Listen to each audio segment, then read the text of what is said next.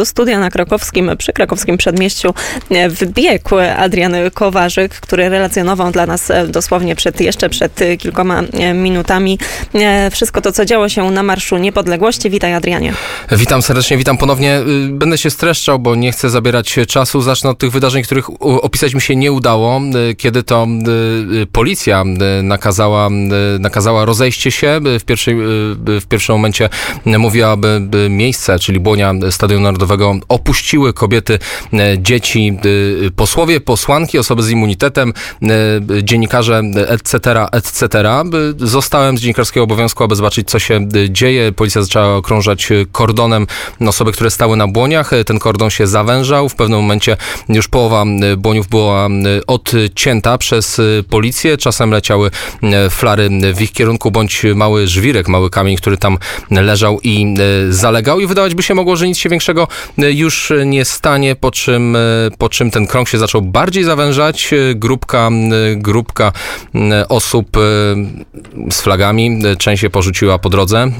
Zaczęła biec w kierunku policji, to była grupka kilkunastu osób. Następnie to uaktywniło falę, następnie kilka kolejnych grupek, czyli około 70, może 80 y, osób zaczęło biec w kierunku policji. Ta policja, widziałem, była uzbrojona dosyć konkretnie. Niektórzy z nich mieli duże karabiny, które trzymali lufą do góry, aby pokazać wielkość y, tego karabinu. To były Właśnie prawdopodobnie sobie na kulę. Wejść, wejść w słowo. E, Dosłownie przed kilkoma minutami Komenda Stołeczna Policji poinformowała, że policjanci użyli gazu pieprzowego, a w niektórych przypadkach nawet e, broni gładkolufowej w, w kierunku do e, protestujących. Czy ty też to widziałeś? Słyszałem, e, słyszałem strzał, myślę, że to był strzał z broni e, gładkolufowej, ale nie widziałem tego. E, Za to gaz e, widziałem właśnie w tym momencie, kiedy ta grupka pobiegła. E, Pobiegłem e, może nie za nią, bo to było, e, to było źle powiedziane, ale e, z boku stanąłem na górce. E, Oni chcieli najprawdopodobniej e, zmusić policję do ustąpienia. Nie atakowali bezpośrednio, bo nie mieli szans w starciu z kulami,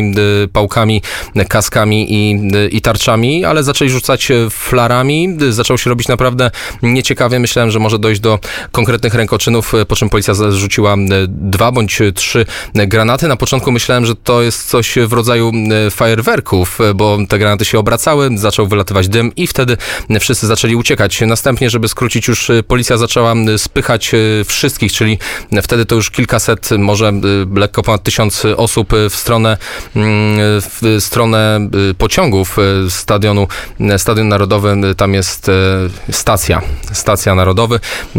Zaczęła policja ich spychać. Nie do końca to zadziałało. Część na pewno odjechała pociągiem, a część zalegała na schodach. Co jakiś czas kilku śmiałków się wychylało, chcąc zaatakować, chcąc pobudzić resztę do ataku na policję. Ostatecznie nic z tego e, nie wyszło, e, po czym e, policjanci się prze, prze, przeformowali. Zaczęły lecieć w ich kierunku kamienie. To się dowiedziałem po dźwiękach y, odbijanych kamieni od tarczy. Zastanawiałem się skąd te kamienie. Y, W międzyczasie pociągi były zatrzymywane przez, y, przez protestu maszerujących, protestujących. Teraz to już nie mam pojęcia jak to określić, więc pociągi stały. Okazało się, że te kamienie brały się z, z torów kolejowych. Nawet nieźle zorganizowana akcja. Kilku, kilkunastu wrzucało te kamienie na peron, a kilkunastu rzucało tymi kamieniami w policję. Stwierdziłem, że to już jest moment, w którym należy e, odejść. W międzyczasie jeszcze jeden pociąg, który już wjechał na peron, był e, blokowany przez ludzi stojących w drzwiach. E, Sokiści, e, Służba Ochrony Kolei przyszła w e, ilości kilkunastu sztuk.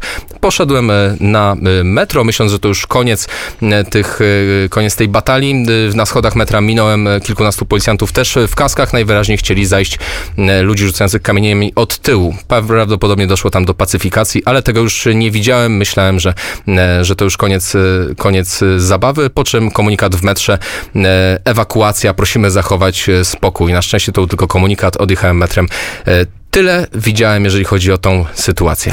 I dotarłeś do nas do studia, z czego bardzo, bardzo się cieszymy i bardzo też dziękujemy, bo tak dzielnie relacjonowałeś wszystko to, co działo się na Marszu Niepodległości. Byłeś w epicentrum, wchodziłeś do miejsc, w których faktycznie, przynajmniej z tych dźwięków, które docierały do nas z twoich komunikatów, było niebezpiecznie.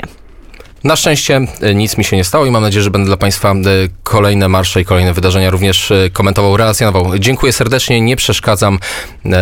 Bardzo dziękujemy. Adrian Kowarzyk, korespondent, gość, dziennikarz Radia Wnet, a gość dzisiejszego popołudnia Wnet.